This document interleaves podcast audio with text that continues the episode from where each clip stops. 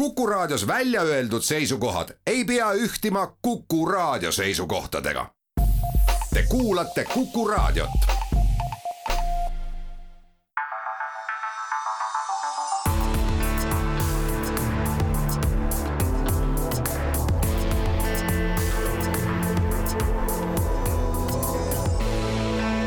olukorrast ajakirjanduses tere, kahe tuhande kahekümne teise aasta viimast päeva. kuku raadio stuudios on eh, istet võtnud olukorrast ajakirjanduses või viinavabriku vanameeste võidukas tiim. oleme äsjase võidušampanja välja valanud ja vaatame siis tagasi ajakirjanduse aastale, sellele, mis täna kohe mõne tunni pärast otsa saab. ja minule tundub, et viinavabrik töötab viinavabrik töötab, poed on äh, kaupa täis, nii et väga, väga hea on olnud. hea aasta. hea aasta on olnud, et kas see, kas see aasta on olnud hea ka ajakirjandusele või mitte, seda ei oska kohe kuidagi ütelda, aga, aga mäletan, et kui me möödunud jaanuaris vaatasime tagasi ajakirjanduse aastasel, tegime ennustusi, siis kas me oskasime kõike seda arvata, mis selle aasta jooksul tulnud oli või? jah, kas me oskasime ette arvata, et kahekümne neljandal veebruaril algab sõda. me tõepoolest, meie alustasime ikkagi täiesti tavaliste asjadega, et tavaliselt, et küll pange tähele, et Eesti Post tõstab jälle hinda ja küll ajakirjandus kiunub selle peale ja et küll meil on ikka raske selle käibemaksuga ja tolle käibemaksuga ja, ja et kas meil on digitellimusi tuleb ikka piisavalt ja, ja, ja, ja kõike seda, et, et, et minu meelest oli jaanuar algas meil sellega vist, et et kui Rahvusringhääling teatas, et oma välisuudiste saate teeb viis minutit äh, lühemaks, eks ju, sellepärast et siis, siis raha enam ei ole, et et kes oleks siis võinud arvata, et kahekümne neljandal veebruaril peab seda raha juurde tulema kogu aeg. jah, kas te, see, et on Rahvusringhääling pressib välja, ei olnud ju mingisugune üllatus ja kuni aasta lõpuni ei ole see mingisugune üllatus, et me kogu aeg kuuleme sealt majast seda juttu, et me ei saa ikka teha seda saadet, me ei saa teha seda saadet, me ei saa seda programmi teha, kuna meil ei ole raha ja samal hetkel tuleb siis välja, et me teeme enneolematu Eesti Laulu jälle ja sedapuhku, mis on ka tore, et tehakse ilusas koostöös Tallinna linnavalitsusega. jah, selle, selle, selle teemani me loodame tänase saate jooksul jõuda, et kui me nüüd nagu käime mööda seda aastat, et ma käin nagu, nagu kass ümber palava pudru just sellepärast, et näitamaks seda, et jaanuaris me vaatasime ette ja taha ja ei oleks kuidagi midagi võinud aim, aimata sellest, et sest et kõik oli see, et, et ERR ütles, et raha ei ole ja välisuudised uudiseid tuleb vähemaks võtta, eks ju. TV3 otsustas, et venekeelne telekanal Kolm pluss tuleb kinni panna, selle asemel tuleb eestikeelne meelelahutuskanal avada ja nii edasi ja nii edasi. ja siis saabus veebruarikuu, midagi, et tegelikult see, see, see kõik ei toimunud ju vist päris nagu, nagu veebruari kahekümne neljandal kuupäeval ei toimunud see murrang. ma mäletan, et me hakkasime, me hakkasime nagu rääkima, et kaks asja, et kui ma vaatan tagasi meie nendele märkmetele, siis, siis peab nagu tuhka korralikult pähe raputama. mäletan veel mõni nädal enne, enne vabariigi aastapäeva me rääkisime, et kuidas inimesed, kuidas ajakirjandus, kuidas ka poliit-, osad poliitikud sõjahüsteeriat üles kütavad, et eks ju, et loevad märke, igasuguseid märke küll verekottidest, küll väli, välihospidalide üles laiali laotamisest, eks ju, ja et kas see on vastutustundlik või mitte see vastab küll tõele, et ega me nüüd, me vaatasime kogu seda värki, mis seal Ukraina piiri ääres toimub ka ikkagi veidi naiivselt, me arvasime, et see on selline kolistamine, mille eesmärk on siis saavutada midagi nõrge, nõrgalt läänelt, eks ole, et tegelikult nagu asi veriseks ikkagi ei lähe. ja selles osas, mis seal salata, eksisime. nüüd siis me vaikisime. ma mäletan, et Postimehe arvamusliidrite lõunasöögil Toomas Hendrik Ilves esines, esines äh, kõnega enam-vähem, mille sisu oli umbes selline, et, et et pange tähele, et me ei saa arugi, et millal kolmas maailmasõda algab, et see ei ole enam niimoodi, et Ämara lennu, Ämari lennuväli on puruks pommitatud, et see kolmas maailmasõda, et see käib kusagil nagu küberruumis, niisuguses eet-, põhiliselt eetris, eks ju, tähendab, ja sellel pole midagi ühist esimese, teise maailmasõja füüsiliste koledustega. ja mina olin ka muide täiesti veendunud, et niisugust äh, esimese maailmasõja stiilis frontaal maaväerünnakut ikkagi toime ei panda et tehakse palju kavalamalt seda asja, teades mitte veel, eks ole, kuidasmoodi venelased just kasutavad kõikvõimalikke luureorganisatsioone oma eesmärkide saavutamiseks ja mille üle me olime ju sinuga ka ikkagi väga mures, oli see venelaste infiltreerumine ka vaba maailma ajakirjandusse no,. tegelikult seal just, just selles osas oli meil päris mitu nagu õppetundi, et mina, minu nagu esi, kõige esimene õppetund oli, oli tegelikult seoses, seoses Vene telekanali, seoses sõjatsensuuriga või märksõnaga sõjatsensuur, eks ju, mis ei olnud ühepoolne ühtepidi aga, aga kui ma mäletan, veebruarikuus me tegelikult päris intensiivselt vaidlesime sellel teemal, et kas Vene telekanalid e, Eesti kaabellevi oper-, operaatorite pakettides on hea või halb, eks ju, ja kas need tuleks kinni panna või mitte. ja ma pean ikka palju tuhka pähe raputama, sellepärast et ma ütlesin, et sorry, et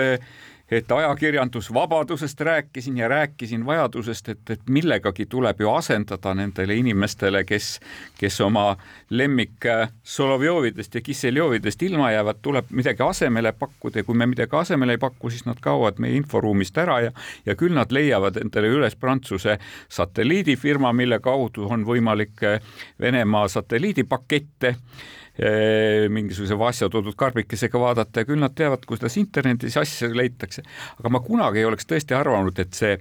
et ajakirjandussüsteemist saab relvasüsteem nii välkkiirelt. ma raputan tuhka pähe, et see oli minu tõeline möödavaatamine. stuudios on tahma, aga selles osas on, mina endale tuhka pähe raputama vist väga ei pea mina olen seda Venemaa propagandamasinat ja seda Vene riiklikku televisiooniaparaati alati pidanud tegelikult relvasüsteemiks. ja Peeter Tali, tuntud kaitseväelane, kes on nüüd muutunud väga aktiivseks arvamusliidriks, sellepärast valimised et ta kandideerib valimistel,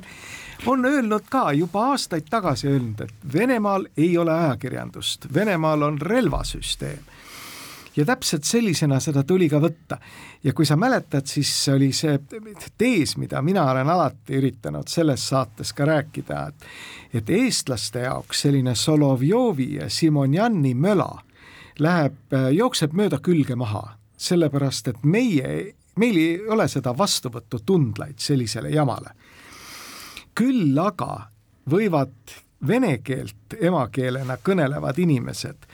tänu sellele tulla hoopis teise info välja. ja me ei tea seda tänase päevani, kas need otsused, mida need inimesed igapäevaselt teevad, on mingil moel mõjutatud sellest Simonjani ja Solovjovi sogast või mitte. seda uuris Eesti Vabariik väga põhjalikult, et kui palju seda vaadatakse milline on nii see vaatamise osakaal kui ka üldse vaadatavus, mida öeldakse siis, et, et iga päev viisteist minutit lihtsalt pühendad sellele kanalile. selle kohta tellis riik uuringuid, mida ta ei ole tänase päevani minu teada teinud, on just see, et millised on olnud nende inimeste käitumismustrid tänu sellele Vene propagandale no, no mingeid, mingeid uuringuid saab siiski Riigikantselei koduleheküljelt vaadata ja sealt me võime ühtepidi näha nii seda, et, et tegelikult okei okay,, nende kanalite vaadatavus on vähene, vähenenud, mis on ka loomulik, sest neid on, tuleb läbi lukuaugu vaadata kusagilt, eks ju niimoodi ja isegi higiseks ei lähe. teisipidi jälle tegelikult on kasvanud usaldus, eks ju, Eesti meediakanalite vastu ja, ja selle koha peal ikkagi tegelikult ütlen, et, et Eesti ajakirjandus pani ka mingis mõttes gaasi põhja, võib-olla ka tänu sellele, et, et valitsus eraajakirjandusele, venekeelse ajakirjanduse taasloomiseks ikkagi toetust andis, eks ju, see raha tundus pärast koroona lahjasid aastaid päris hea olevat, eks ju. et teisipidi on kasvanud usaldus Eesti meediasüsteemi vastu ja tegelikult on märgatavalt vähenenud ikkagi ka usaldus nende samade Vene kanalite vastu siinse vaataja seas, et, et, et, et, et see muudatus on toimunud, aga kui ma hakkan nagu mõtlema. vaatame, võtame nagu kujundlikult, et see Russki Mir mida siis üritati pähe määrida Eesti ühiskonnale või vähemalt selle venekeelsele osale, see sai muidugi korralikult pesapallikurikaga vastu pead no.. nüüd, kas äh, sellele midagi arvestatavat on tänaseks asemele tekkinud, selle üle me võiksime nüüd natukene diskuteerida. tähendab, telemaastikul, mis on tegelikult selle vene keelt emakeelena kõneleva elanikkonna jaoks kõige olulisem, vaieldamatult kõige olulisem meedium, televisioon, nüüd on neil kaks telekanalit, mille vahel valida, üks on siis avalik-õiguslik Eesti Televisioon ETV Pluss ja teine Duo Meedia ehk Postimees Grupi tütarettevõtte poolt käivitatud Duo seitse. no vaatasin muidugi omaenda, päris iga päev ju seda kogu seda kaabli nimekirja läbi ei vaata, aga, aga, aga vaatasin omaenda kaablipakkuja valikut ja vaatasin, et tegelikult oli tekkinud päris mitmekesiseid venekeelseid kanaleid, oli üles leitud kogu maailma erinevatest otstest, eks ju. ja, aga need osa... on, need on paljus ikkagi marginaalid, võtame niisugused üldine, tähendab üldist äh, tähendust omav televisioon või kuidas seda nüüd siis nimetatakse, lineaartelevisiooniks, siis selles osas on nagu tõesti arvestatavad kaks kanalit ma ei loe nagu arvestatavaks telekanaliks näiteks Telia poolt pakki pandav Orsent on selline asi, mis näiteks VH... no Orsent ja Orsent ja TVN on kogu, on kogu aeg, need on, need, need on kogu aeg olnud, aga, aga tegelikult oli, oli, oli üles otsitud tegelikult äh, ka Ukraina kanalid, oli üles otsitud tegelikult välisraha toel ilmuvad venekeelsed kanalid, eks ju, ja, ja, ja tegelikult ka Duo oli, Duo ja TV3, eks ju, mõlemad oma venekeelse kanaliga on tulnud, nii et midagi on, et loodus tühja kohta ei salli. et minu jaoks, kui me rääkisime äh, tuha pähe raputamisest, et tuhkad peaksid teisedki veel pähe raputama, päris mitu tuha pähe raputamise kohta oli tegelikult selles äh, kohas, et äh, mäletad, me rääkisime ja kritiseerimisime just ERR-i selle eest, et, et tegelikult kui hästi me näitasime venelaste propagandaseriaale seal nende kanalites, eks ju, küll need olid Tallinna pommitajatest ja julgetest tšekistidest ja kõike seda muud, et seal tuleks natukene tuhka pähe raputada. mäletame seda, et tegelikult see oli kõigest mõni aasta enne sõja algust, eks ju, oli teema üleval see, kuidas äh, kui Postimees hakkas reklaami müüma nendesse Vene telekanalitesse paketeerituna, eks ju, tähendab ja leidis sellest hea businessi ja, ja tegelikult kuidas toimetus, eks ju selle vastu protesti tõstis, eks ju, mille peale Postimehe direktorid teatasid, et okei okay,, et siis meie, siis me ei tee seda. mõni aeg hiljem löödi maja protestijatest puhtaks, eks ju, pärast seda oli see business as usual ja kestis kahekümne neljanda veebruarini kaks tuhat kakskümmend kaks. et ka see on see koht, et kus tegelikult tuli endale peeglisse vaadata. Tallinna linnavalitsus korraldas hanke et kuidas saada tallinlasteni Tallinnat puudutav informatsioon ja võitis loomulikult Pervõi Baltiski kanal. me irvitasime siin selle üle, täiesti maha visatud raha, kuna selle kaudu tegelikult informatsioon inimesteni juba ei jõua, et Tallinna linn peaks panustama rohkem veebi ma ei tea, kas ta nüüd on oluliselt rohkem panustanud, aga see raha osutuski täiesti maha visatud rahaks. ja eks me osutasime ka sellele, et ETV Plussil läks päris, päris pikalt aega veel selle sõja konflikt, sõja, sõja puhkedes, eks ju, et, et gaasi põhja saada, sellepärast et ETV Pluss oli väga ettevaatlik päris alguses oma, oma ka, sõjakajastustes, arvatavasti soovimata Äh, pahandada oma rohkearvulist vaatajat, eks ju, et oli ta, mulle tundus, et ta ei olnud nagu esiplaanile seatud, seadnud seda, milleks see telekanal oli ellu, ellu kutsutud. aga, aga mäletad, me ju rääkisime sellest äh, täi-, täiesti mitmes saates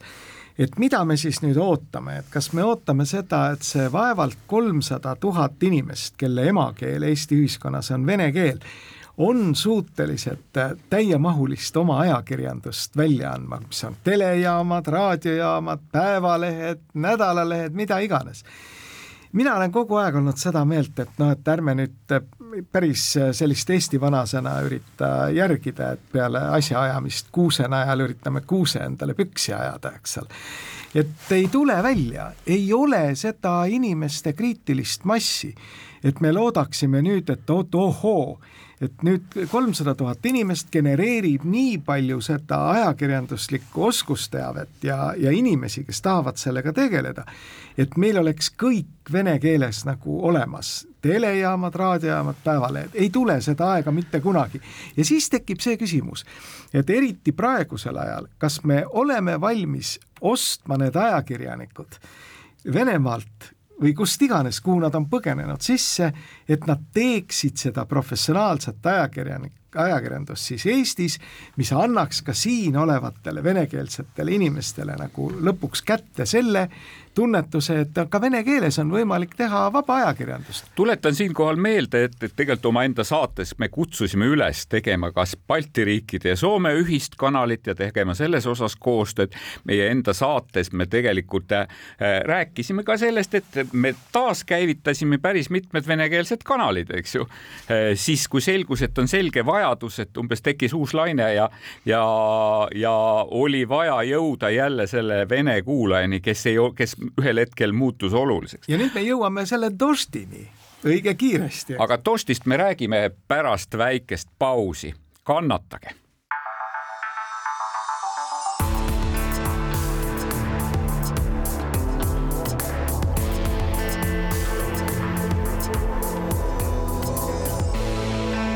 olukorrast ajakirjanduses Rein Lang ja Väino Koorberg on aasta viimases saates pausilt tagasi ja, ja me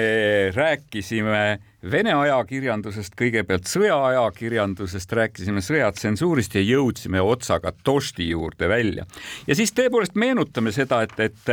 et see oli vist aasta esimene pool, arvatavasti märtsikuu, kui, kui ikkagi sellised sõnad nagu sõda, kallaletung ja sissetung Venemaal muutusid, eks ju, keelatuks, kuidas Venemaal pandi kinni kõige kuulsam raadiojaam Ehho Moskvõ, kuidas likvideeriti ära telejaam Dost, kuidas lasti lahti suur hulk ajakirjanikke, kuidas nad kõik põgenesid kusagile väljapoole ja meie eh, tõstatasime just seoses Dosti eh, kinnipanemisega küsimuse, et kas Dost ei võiks tulla Tallinnasse, kas me ei saaks neile pakkuda siin rahulikku sadamat, kus nad saaksid teha oma tööd ja tõelist ajakirjandust. mina mäletan, et mina eh, filosofeerisin selle üle et kas need potentsiaalsed vaba ajakirjanduse tegijad, oletame, et nad kolivad Eestisse ja alustavad siin siis mingisugust sellist ringhäälingu tegevust, mis online'is on üleval, noh, nagu pidasingi nagu torsti silmas et kas me oleme valmis ka panustama nende inimeste kaitsesse, sellepärast et nad muutuvad ju mingil moel äh, FSB tülitamise objektiks, et küll neid üritatakse vaikima sundida, kuni lõpuks vaikima sundida kas Pavel Sudoplatovi meetoditega, kelle nimelisi tänavaid ja ma ei tea, mida veel, just okupeeritud territooriumidel Ukrainas võib näha. aga toona ma mäletan ka seda, et me jõudsime selle teemani, et kas, oletame nüüd, et nad käivitavad oma sellise tegevuse, et kas nad ikkagi saavad lõpuni aru,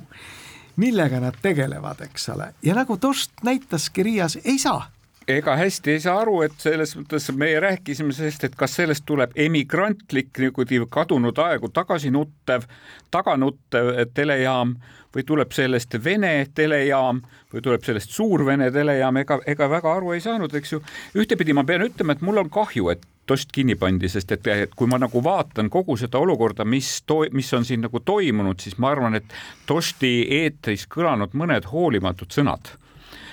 läbi, otse-eetris kõlanud läbimõtlematud sõnad, ütleksin ma ja ma võib-olla nüüd tõepoolest, võib-olla pean tuleva aasta saadetes palju tuhka pähe raputama selle eest, eks ju e,. olid ikkagi lapselalin võrreldes sellega, et kui ma vaatan, et milliseid toredaid tegusid, eks ju, siin noh, on mujal toimunud, eks ju, sellesama Vene sõjamasina toetuseks, Vene majandusmasina toetuseks, Vene riigi toetuseks, et, et, et enne kui nagu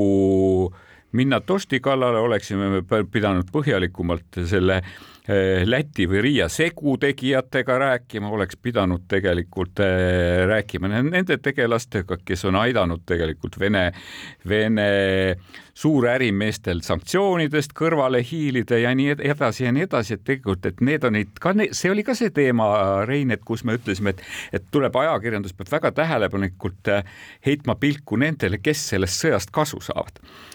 jaa, ma olen sinuga täiesti nõus, aga ma meenutan, et äh, Eesti äh, ühiskonnal ja eestlastel äh, lasub üsna kõva tänuvõlg Vene loodearmee osas ja tema juhi kindral Judenitši vastu, kes tegelikult aitas neid punaste väeosasid tuhande üheksasaja üheksateistkümnendal aastal sodiks lüüa. ja tänu sellele me jõudsimegi Tartu rahuni ja Eesti Vabariigi iseseisvuseni ja ometigi, kui Judenitšiga peeti läbirääkimisi, siis Judenitš ei tahtnud kuuldagi midagi vabast Eesti iseseisvast vabariigist. ta ütles, et aga teeme niisuguse õige Vene impeeriumi, kus on isake tsaar, kes käitub normaalselt, konstitutsiooni, kus on arukas, mõistlik valitsus, ajame koos seda asja, mis, mis iseseisvusest te räägite kuidagi tuleb paralleel, et, et nutame taga ka üheksakümne esimese aasta algust. ja, ja nüüd ma, kui ma kuulasin või õigemini vaatasin seda Tošti, kui ta veel nüüd tegutses Riias ja mul tuli see täpselt meelde, see Judenitši filosoofia, et no kui nad hakkasid rääkima surmtõsiselt seda, et Vene armees valitseb bardakk ja venelased peaksid aitama seda bardakki likvideerida, et Vene armees oleks kord ja, ja kõva võitlusvõime, mis ju tähendaks ukrainlastele uusi probleeme, siis ma sain aru, et tegelikult see imperialism ei ole Venemaalt mitte grammi võrdki kadunud. ta on seal, ka kõige demokraatlikumalt mõtlevad inimesed võivad ühtäkki purtsatada välja, et mida te õiendate, et tegelikult Medvedjevi lause, et me vajame ühtset ruumi Vladivostokist Lissabonini on ju jumala õige. Mõtle, kui tore, demokraatlik, ilus, selline, kõik armastavad üksteist, lämisevad vene keeles kõik, eks ole, ja kõik on õnnelikud. see no, on see eesmärk. no hästi palju sinisilmsust on meil tegelikult on ka läänest kadunud, hästi palju on seda veel endiselt alles, eks ju, et, et võib-olla see on nagu üks teema, aga, aga kui me nüüd tuleme tagasi selle Tosti juurde, siis et kas see mõte, et, et tegelikult kasvõi see Balti riigid või ümberkaudsed riigid andsid siis nendele vähegi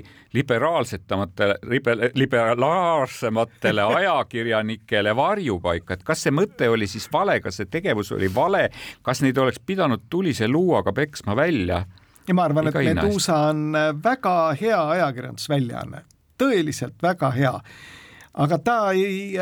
tema minu meelest ei kanna ka väga seda imperialistlikku mõtteviisi. no, no häda on lihtsalt selles, et võib-olla ta ei ole niivõrd tähelepanu tulipunktis, sest et, et nagu ma ütlen, venekeelsele elanikule, ega, ega ka Putin ei pööranud paberajakirjandusele või ajalehtedele märkimisväärset tähelepanu selles mõttes, et need ei olnud ohtlikud. et need, need olid väikese, suhteliselt piiratud leviga väljaanded, eks ju, mis levisid suhteliselt intelligentsetes ringkondades, nendega masse nagu ei mõjutanud, et oluline oli nagu nagu televisioon ära võtta, et see on nagu kakskümmend aastat olnud kogu Putini, Putini nagu meediapoliitika üks nagu põhimõtteid. et sellepärast ma arvan, et tegelikult, et ega, ega ka Lätis ei pöörata võib-olla Medusale, küllap ole, küllap on ka mõne Medusa autori sõnavääratus olnud, eks ju, tähendab selline, et mis võinuks nagu tekkida. küllap on ka tegelikult mõni Medusa ajakirjanik esitanud terava küsimuse Riia linna peale aga see ei ole Läti nagu kultuuriüldsust, intelligentsi nagu hulluks ajanud. aga me oleme oma saadetes ka rääkinud seda, et me ei saa olla sinisilmsed ja naiivsed ja et äh, FSB traditsioon on olnud infiltreeruda ajakirjandusse. ma mäletan, et kunagi üheksakümnendate esimeses pooles oli üks Komsomolskaja Pravda äh, ajakirjanik, kes ütles, et nende toimetusest levib kirsahais et neil on kaksteist kirsasaabastest tüüpi, no pidades siis silmas, et need on luurajad, ainult et nad ei ole seni suutnud selgeks teha, et kes neist on FSB ja kes GRU kirsasaapad. Ja nüüd arvata, et nendes läände põgenenud ajakirjanike hulgas ei ole neid, kes on kas siis topeltagendid või ongi noh, FSB või GRU ohvitserid ja kelle ülesanne tegelikult on võidelda endale kätte mingi positsioon selles Russki Mirris ehk Vene maailmas. nüüd olles juba läänes ja jätkata seal oma õõnestustööd. kui me seda ei võta nagu tõe pähe, siis me oleme ikka väga sinimsilmsed. ja nüüd ongi, et kui me nagu arvestame, et me võiksime pakkuda peavarju Tosti ja Medusa tüüpi väljaannetele siis me peame ka panustama ühiskonnas seda ressurssi nendesse ütleme vastuluureorganisatsioonidesse, kelle ülesanne on siis need kirsasaapad üles leida ühelt poolt ja kaitsta neid, kes siis nagu tõsimeelselt on selle Russki Mirri vastased, eks. no ja selles mõttes on sul õigus ja selles mõttes on õigus ka kõikidel nendel analüütikutel, kes ütlevad, et et selleks, et ära tunda, et kes on tõeline Putini vastane ja kes on ainult see, kes mängib Putini vastast, et on väga keeruline ja, ja, ja seda kahtlust on, on avaldatud ka nagu kõige kuulsamate nimede puhul, no ma ei räägi juba Nobeli rahupreemia laureaatidest või, või, või no tõepoolest Vene meedia eliidist, eks ju, kelle kelle suhtes samamoodi, kelle lähedust nendele allikatele, informeeritud isikutele, otsustajatele on neile eh, taganud nii professionaalset edu kui ka saanud saatuslikuks, eks ju, kõikide nende kahtlustustega seoses, eks. no ega siis eh, tasub lugeda raamatuid üheksakümnendate aastate esimeses pooles ilmus eesti keeles ridamisi üliolulisi teoseid ja väga hea, et ilmus, neid praegu on hea lugeda. Sudoplatovi memuaarid, eks ole, mees, kes oli Trotski mõrvamise taga Mehhikos, Oleg Gordjevski mälestused palju,, palju-palju sellist, Mitrohhini arhiiv seal kõike kirjeldatakse seda, milliseid sigadusi tegelikult oli KGB ja GRU olid võimelised tegema ja need olid ikkagi nagu üsna kosmilised sigadused. Ja ma olen nagu ennast tabanud sellelt mõttelt, et kui me praegu vaatame neid eh, niisuguseid trafaretseid Vene propagandakäike või siis ka siinseid neid eh, organisatsioone, mis levitavad selle Russki Mirri propagandat siis kas ei ole lihtsalt mingisugune selline tähelepanu kõrvalejuhtimine, et noh, viskad lagale mingi lolluse, eks ole, kõik hakkavad selle lollusega tegelema, seda naeruvääristama ja selle tegelikult taustal saad sa õõnestada palju nutikamalt äh, seda lääne ühtsust, mida iganes. KGB toimetas eelmise aasta tuhande kaheksakümnendate lõpus ülihästi läbi Taani ajalehe või ajakirja, mille nimi oli Politiken no sellest jah, saan, Rein, ma usun seda, ma usun seda ja tegelikult peab alati kahtlustama, aga, aga teisipidi ei saa ka välistada seda, et, et kuidas see oli, et et äh, IQ on konst-, konstant, aga rahvaarv kasvab, eks ju, et, et kui nagu vaadata neid viimase aja salaluure teatavaid äh, läbikukkumisi, eks ju, kus on agendid on jäänud kõikide kaamerate vaateväljadesse, kui nad on käinud, kui nad on käinud äh, toredat paari etendades kirikutorne vaatamas ja nii edasi ja nii edasi või kui nad on kellelegi aluspükstesse mürki poetanud, eks ju, et siis, siis, siis ma tahaksin väita vastupidist kui sina, et asjad on palju keerulisemad keerulisem. aga et meie, et meie rubriik, et millest me täna aasta viimases saates rääkida ei jõudnud liiga pikaks jääda, et siis me peame kuidagi selle Vene teema koomale tõmbama, et jõuaks rääkida ka Eesti ajakirjandusest. mulle tuleb millegipärast meelde, kuna ma käisin ülikoolis ajal, millal sõjaväeteenistust asendas ohvitseride kursus ülikooli ajal, igal jumala neljapäeval pidime me terve päeva veetma siis Vene sõjaväe kateedris, Nõukogude Liidu sõjaväe kateedris ja omandama teadmisi, millega meile anti siis leitnandi aukraad lõpuks kätte. ja seal oli igast lõbusaid inimesi ja kui nad jooma hakkasid, siis nad reeglina hakkasid rääkima midagi, et kuskil on olemas mingid väeosad, kus on kord keegi polnud neid kunagi näinud, et loomulikult need väeosad, millega me siin igapäevaselt kokku puutume, et seal on bardakk, eks ole, mingit korda ei ole, varustust pole, kõik on nagu ligadi-logadi, aga kuskil on need väeosad, kus on kord. Ja ükskord mul õnnestus küsida nende napsutanud polkovnikute käest, et kuulge, et aga, et kas keegi teist reaalselt teab, mõnda sellist väeosa, kus on kord. ja siis nad hakkasid rääkima, et nad ise ei ole küll näinud, aga neil olevat üks tuttav, kes omakorda, kellel on mingi tuttav, kes on sellist väeosa näinud. ehk siis sisuliselt oli see müüt ja nüüd ma annan endale täiesti aru, et see minu mõttekäik, et noh, et kuskil on olemas mingid erakordsed taibud, mis toimetavad siis seal, infiltreeruvad lääne ajakirjandusse selleks, et sealtkaudu mingisugust Russki Mirri asju ajada, et võib-olla seda ei eksisteerigi. et võib-olla ongi niimoodi, nagu sa ütled, et see tase ongi, et sõidame siis Poloniumiga kuskile Londoni lähistele intellekt, intellekti arv on konstant, rahvaarv kasvab ehk et keskmisele kodanikule vä, jaguneb, jagub seda vähem. küll oleks tore, kui sul oleks õigus jah, tore oleks ka mul, kui ma teaksin, et Eesti ajakirjandus ka sõjakajastuste puhul on nagu äh, parem ja õigem, kui ta kunagi on olnud, eks ju, küll on olnud õhus tegelikult kahtlusi nii seoses sellega, et me tahame olla ühtaegu nii ajakirjanikud kui kodanikud, patrioodid, kui propagandistid, nagu ma olen väga pikalt mitmes saates täitnud. et kuidas sulle nagu Eesti ajakirjandus selles mõttes tundus, kui kiiresti iseloomustada? noh, et minu meelest on Eesti ajakirjandus nüüd otseselt selle sõjateemaga ju päris ilusasti hakkama saanud ja eks ka palju tänu sellele, et Eesti ajakirjandusorganisatsioonidel on aastatega tekkinud Ukrainas arvestatavad kontaktid, nii et nad saavad mitte ainult oma kolleegidega rääkida, vaid saavad rääkida ka siis nende inimestega, kes vahetult kogu seda sõda juhivad Ukrainas. see on väga suur väärtus ütleme, et Oleksi Danilov, kes on ikkagi sealse julgeolekunõukogu vastutav sekretär, et mitte öelda pealik, annab Eesti ajakirjanikele intervjuud, mis on uskumatu saavutus nii et ma arvan, et keskmine Eesti ajalehelugeja või televaataja teab oluliselt rohkem sellest sõjast ja omab paremat pilti kui keskmine ameeriklane tänasel päeval. ehkki ma pean ütlema, et ka CNN on teinud üsna korralikku tööd aga meie teeme siinkohal väikese pausi ja siis jätkame Eesti ajakirjandusega.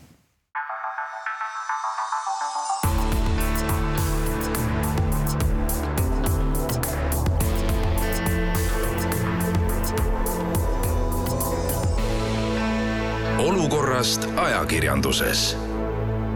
Rein Lang ja Väino Koorberg on Kuku raadio aasta viimase päeva stuudios endiselt ja meie meeleolu läheb kõrgenevas joones ülesse ja tundub võidušampanj on sisse kulistatud. tundub, et nüüd me, nüüd me peame vist tegelikult nagu kiiresti rabistama läbi selle meie kõige populaarsema rubriigi, et teemat, millest me tavaliselt ei ole jõudnud pikalt rääkida. ja tegelikult Eesti ajakirjanduse puhul, et et sinu lemmikteema ERR eh, sai tegelikult sellel aastal tähelepanu mitmes osas, sai tähelepanu siis, kui tegelikult eh, ERR-i nõukogu tahtis või nõukogu esimees tahtis tegelikult ERR-i juhatuse esimeeste sõja tõttu jätta teiseks ametiajaks või, või pikendada tema volitusi ilma igasugust konkurssi korraldamata. Ja siis, et kuna sealt maja seest tegelikult tulid väga avalikud, väga tugevad protestihääled, siis korraldati just nagu konkurss, kus kandideeris kolm inimest või tegelikult kandideeris rohkem, aga kus jäi lõpuks sõelale kolm inimest, keda siis meile ka avalikult näidati, kuid lõpptulemus oli ikkagi see, et Eerik Roose pandi paika Erik Roose ütles, et raha oleks juurde vaja, nagu ta alati teeb, eks ju, ja sellega see asi nagu ühtepidi lõppes, eks ju. pärast seda tuli teine uudis ERR-i poole pealt vist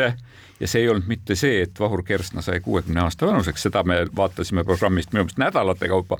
aga oli uudis see, et, et ETV1 ja ETV2 eh, juhtimine reorganiseeriti, mäletad, kes nende peatoimetajad olid ja et ETV sai endale uue peatoimetaja. kes, kes, kes on ETV peatoimetaja? nimi ei jää kuidagi meelde Ur. Urmas Oru, Urmas Oru, aga Urmas Oru on pildi pealt täiesti kadunud, et tegelikult ERR-i ERR-i senine juhatuse liige, tegelikult väga staažika tele kogemusega. ETV tegelikult ma saan aru, et sai Ukraina sõjas endale sellised väikesed need Äh, kuidas seda öeldakse, mis nad, mida saadakse, mitte esimesed triibulised, aga mida nad, mida sõjaväest saadakse lahingutega. et, et sai nagu esimese, esimese suure kogemuse küll kätte ära, et aga, aga siis me ei räägi pikalt Ukraina stuudiost, mida me tegelikult tahtsime kiita, eks ju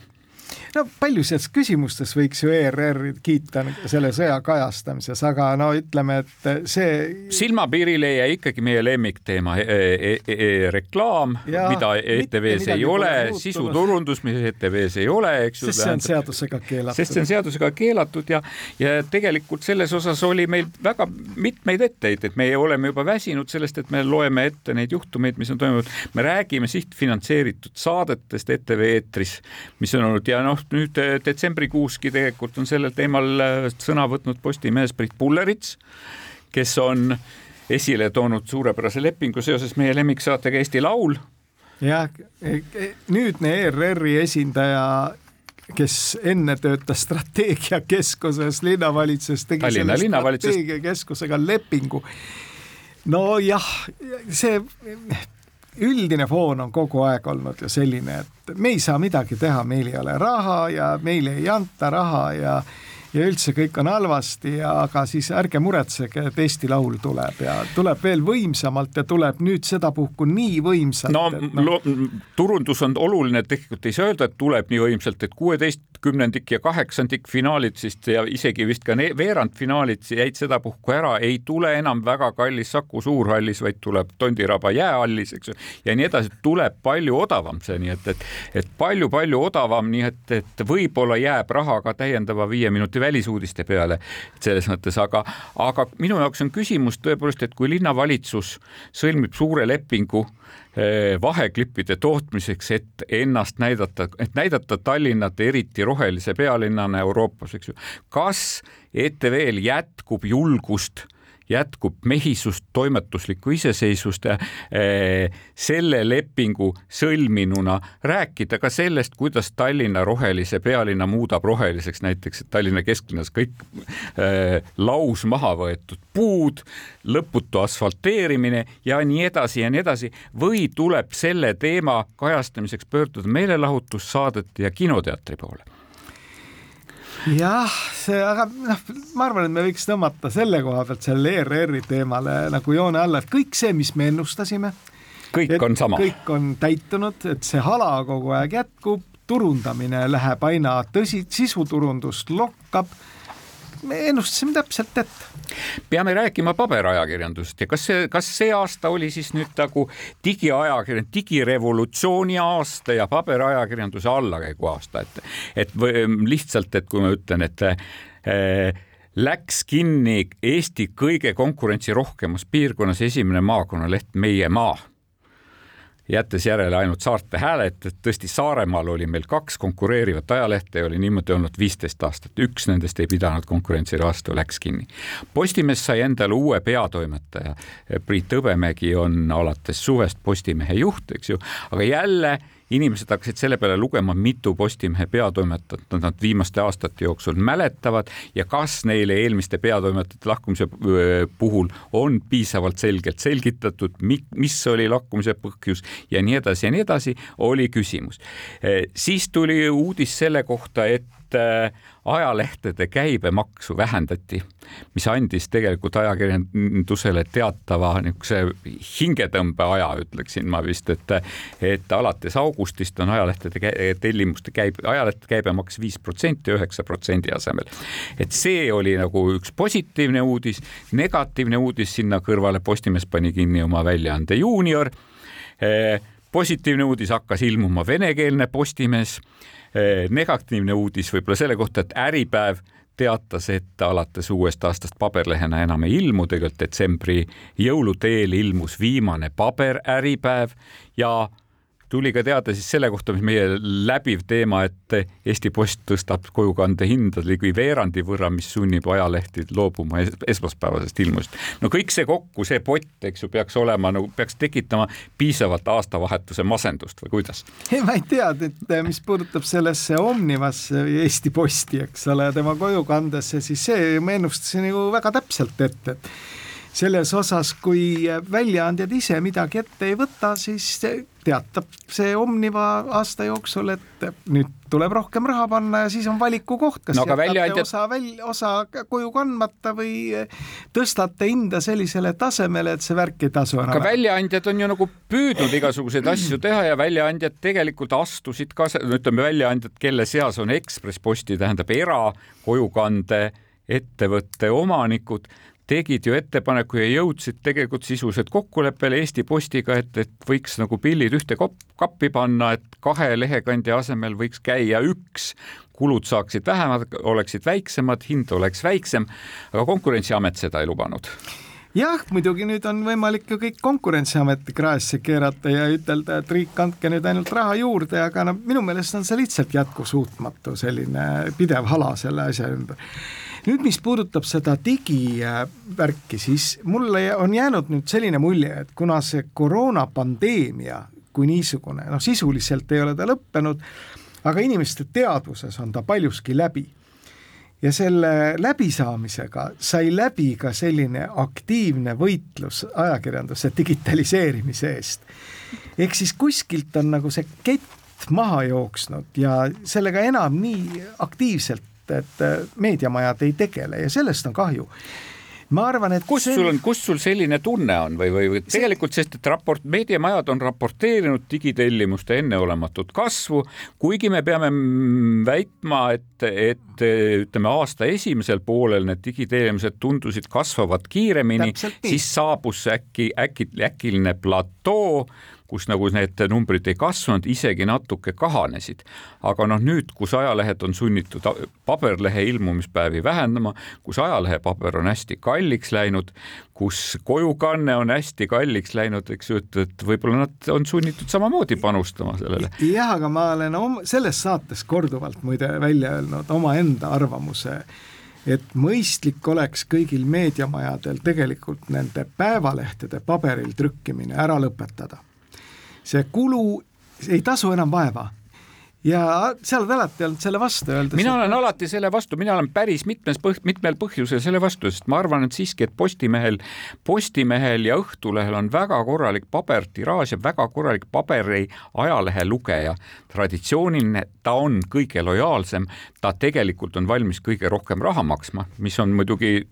nii ja naa, eks ju niimoodi. Teiseks siiski, kui me ütleme, et paberajakirjandus, ma siiamaani õpetades ka toimetamist ülikoolis, loodan, et paberajakirjanduses avaldatud tekstid eh, läbivad vähemalt ühe toimetaja kirjutuslauda, mis tähendab seda, et lisaks autorile on neid lugenud vähemalt üks inimene ja mõttega lugenud. Need tekstid on kvaliteetsemad, need tekstid on mõjukamad. ka reklaam pälvib tegelikult paberajalehes rohkem tähelepanu just sellepärast, et lugeja on eh, pühendunum, ma arvan, et, et need on, need on need sõnad, mis, mis ta igatahes paberile annavad selle kvaliteedimärgi, et digitaali puhul, digi, digilehe puhul ma olen natukene kõhe veel senimaani.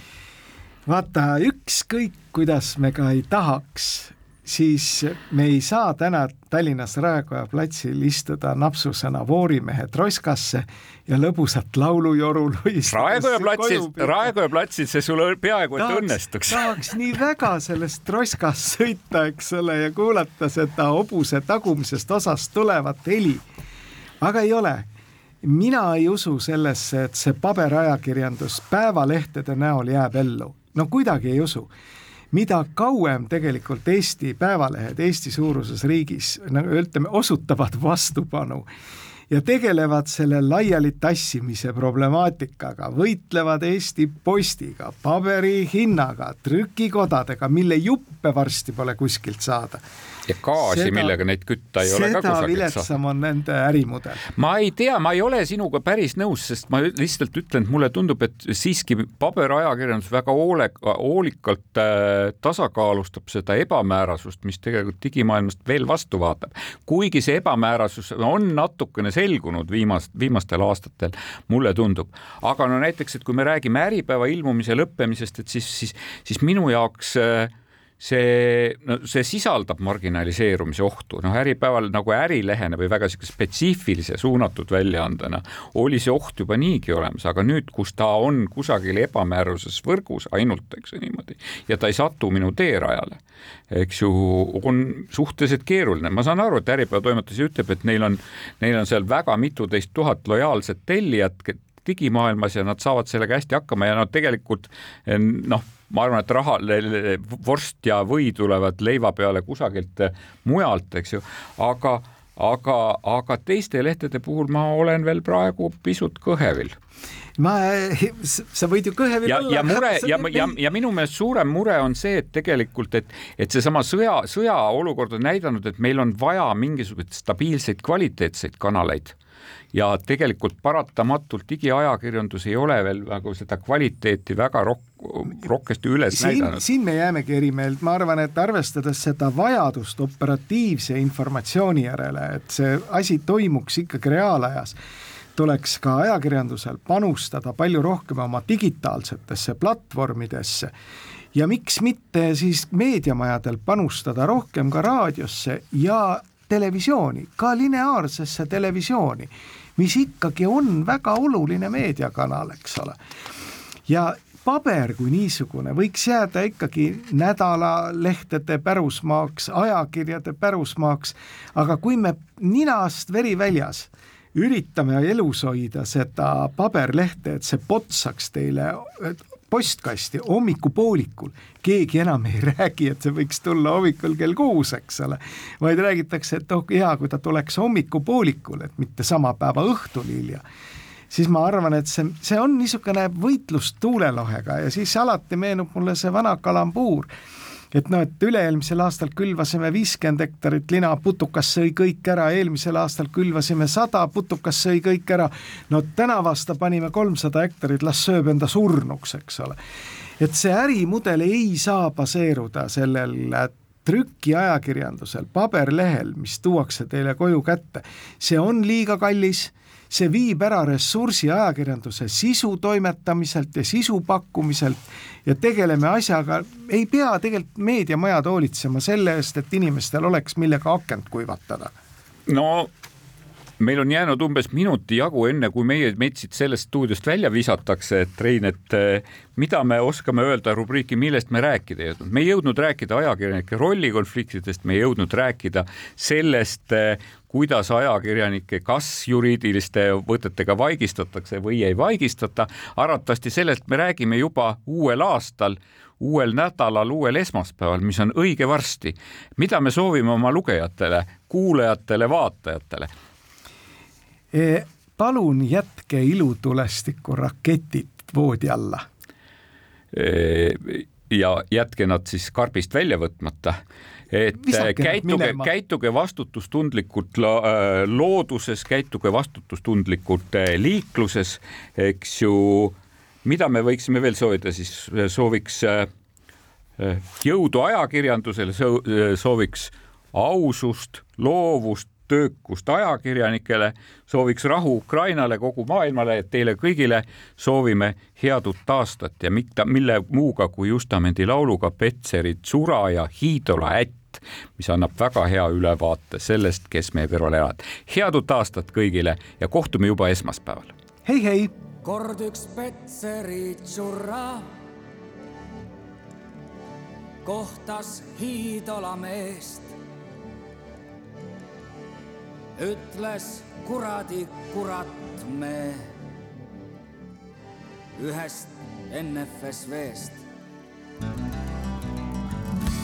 vana mees pidas aru ja siis vangutas pead. oh, kas üks on meil valu vaid, mitte sünnimaa tead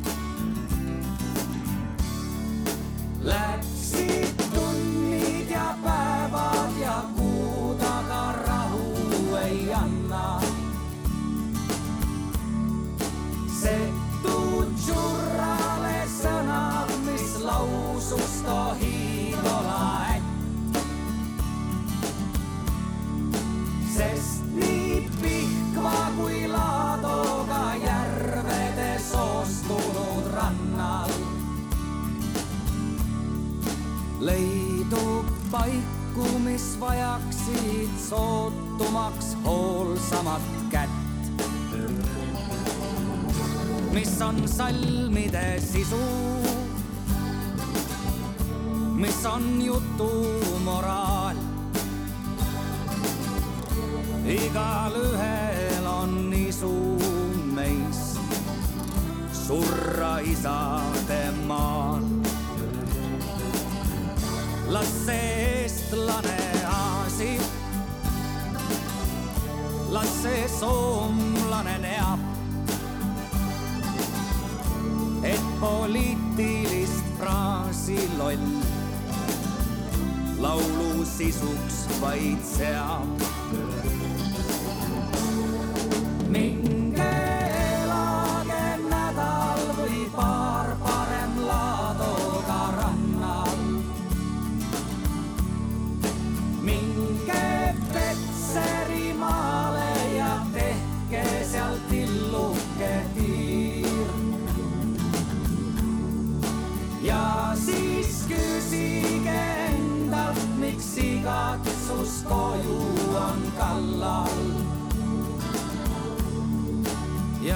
siis pärige poistel, kust kohal küll jooksma peaks piir.